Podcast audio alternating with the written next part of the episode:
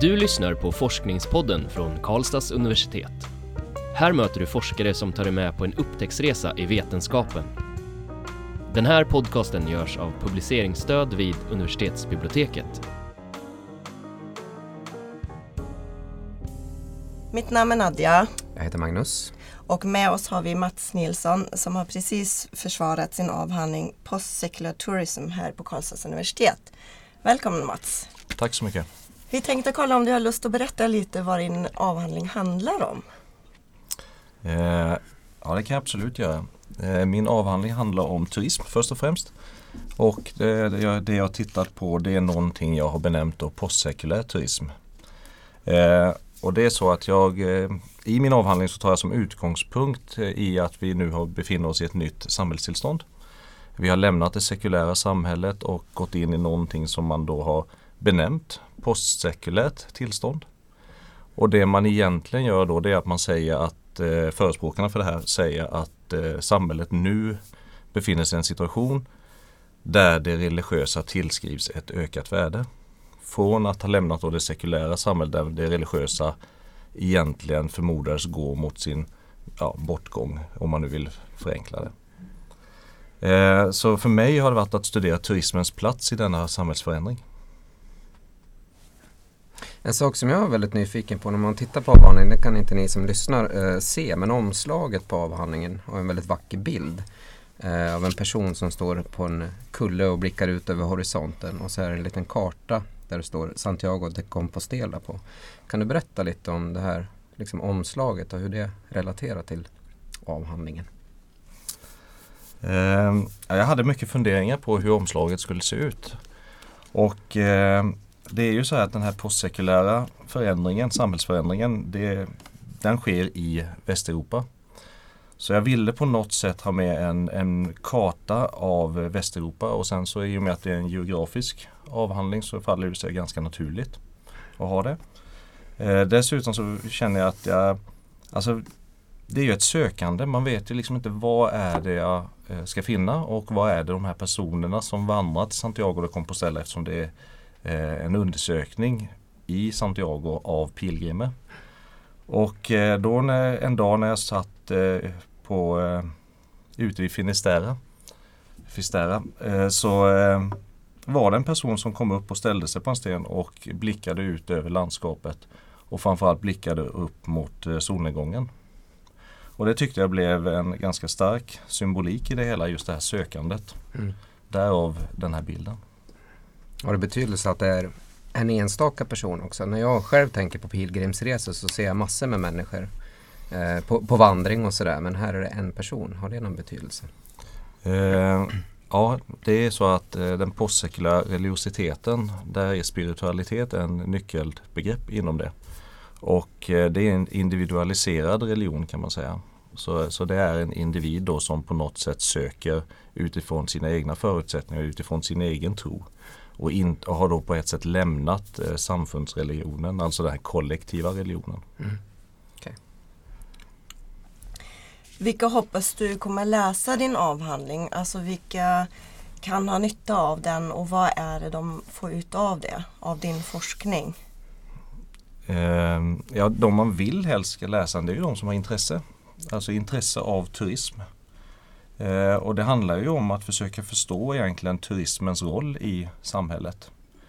Eh, för det är ju som så att turismen i likhet med religionen har ju alltså marginaliserats, har ansetts vara någonting som sker vid sidan av vardagen, vid sidan av livet eller vid sidan av samhället hur man nu vill se det. Eh, och det, det anser jag då är felaktigt. Utan jag anser att eh, i likhet med att religionen har kommit in med ett ökat värde så är även turismen en central part i det västeuropeiska samhället. Så, så de som ska läsa det får svar på den frågan. Det är väl egentligen alla som har intresse av samhällsförändring men framförallt har intresse av turism och försöka förstå eh, en form av turism. Hur såg det ut för dig själv då? Hur, hur kom det sig att det blev just den här avhandlingen? Eh, egentligen så är det ju en grund i att jag för några år sedan var med om ett EU-projekt. Eh, runt sekelskiftet var det. Eh, där jag befann mig i Santiago de Compostela och eh, blev varse om att det har skett en ganska kraftig utveckling de senaste 7-8 åren då hade det varit. Från 93. Eh, och det väckte min nyfikenhet för jag, jag funderade ju på liksom, vad är det som gör att, att det blir allt fler som väljer att vandra till Santiago de Compostela samtidigt som vi sägs leva i ett sekulärt samhälle där det religiösa tonas ner.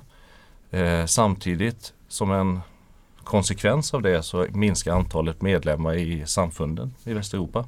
Och trots alla de här sakerna som egentligen talar för att det blir färre som ska vandra till Santiago de Compostela som är en katolsk helig stad. Så var det allt fler som valde att vandra. Mm. Och det väckte min nyfikenhet att försöka förstå och kunna eventuellt förklara vad är, vad är det som gör att denna då på ett sätt turistattraktionen blir starkare eller har blivit starkare mm. på senare tid. Har du själv gjort hela vandringen? Nej, jag har inte eh, vandrat överhuvudtaget. Eh, och det är egentligen medvetet val. För I och med att jag bestämde mig för att studera detta, att forska om detta, så ville jag inte vandra. För jag, eh, ja, jag ska väl inte säga rädd egentligen, men det, det fanns en rädsla att jag skulle få förutfattade meningar. Jag skulle bara bekräfta vad jag själv upplevde och såg när jag vandrade. Så min, min tanke har hela tiden varit att när jag är färdig med den här avhandlingen är att jag relativt inom en kort tidsperiod ska vandra. Jätteroligt, kul. Skulle du skriva samma avhandling igen tror du? Om du fick chansen att göra om det? Eh, det är en ganska intressant fråga för om, om jag står där jag står idag med den kunskapen eh, så självklart så, så tycker jag mig ha funnit den här kunskapen. Men om jag återigen skulle stå där som jag stod runt sekelskiftet så skulle jag absolut väckas av nyfikenhet och fundera på vad är skälet till att det är fler som vandrar. Mm. Så då, då, skulle jag givetvis gett mig in på det här området igen. Och jag tycker fortfarande området är väldigt intressant. Och det finns flera skäl att eh, gå vidare med det. Mm.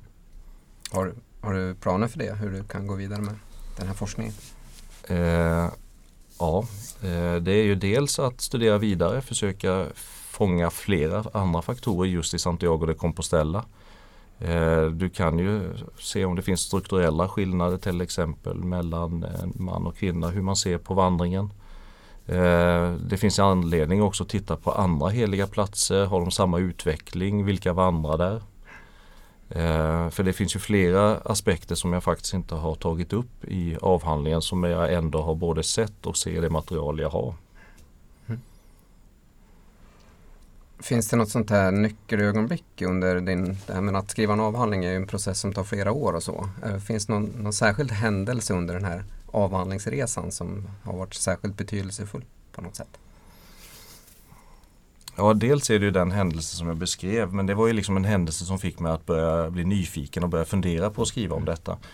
Eh, men när det gäller själva under avhandlingstiden så är ju en, en, en, period där man skriver är ju ett vandrande i sig själv. Om jag nu ska ta det symboliskt så. Att man vandrar åt olika håll. Och det som egentligen fick störst påverkan på mig men det, det, var väl när jag på något sätt kunde se sambandet mellan en postsekulär tillstånd, postsekulär utveckling och denna platsen. Mm. Uh, för där, där, fann jag ju någon form av uh, förklaringspotential varför folk Eh, fler, fler, till antalet fler börjar vandra. Mm.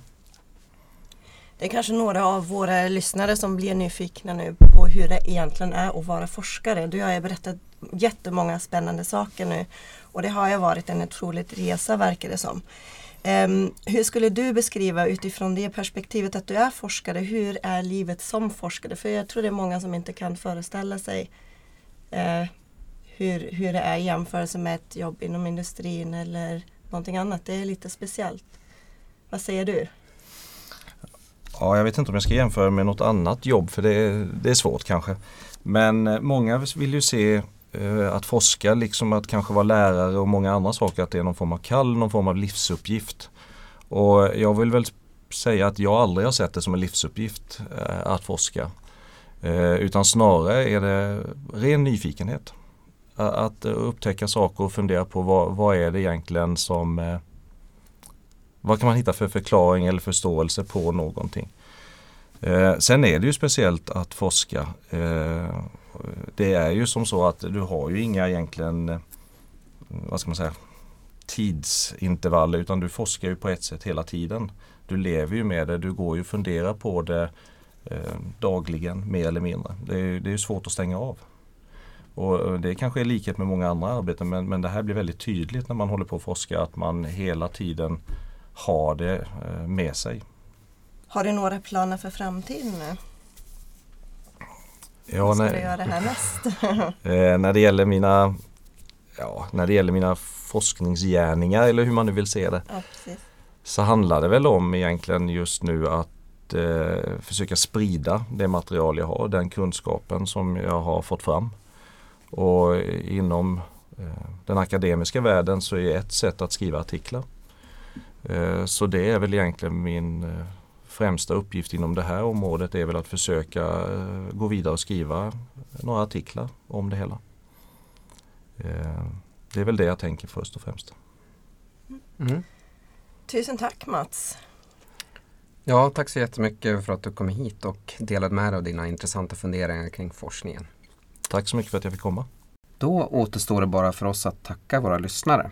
Välkomna tillbaka nästa gång då ni kommer att få möta företagsekonomen Stefan Hellman. Du har lyssnat på Forskningspodden från Karlstads universitet. Den här podcasten görs av publiceringsstöd vid universitetsbiblioteket. Alla avsnitt hittar du på kau.se forskningspodden.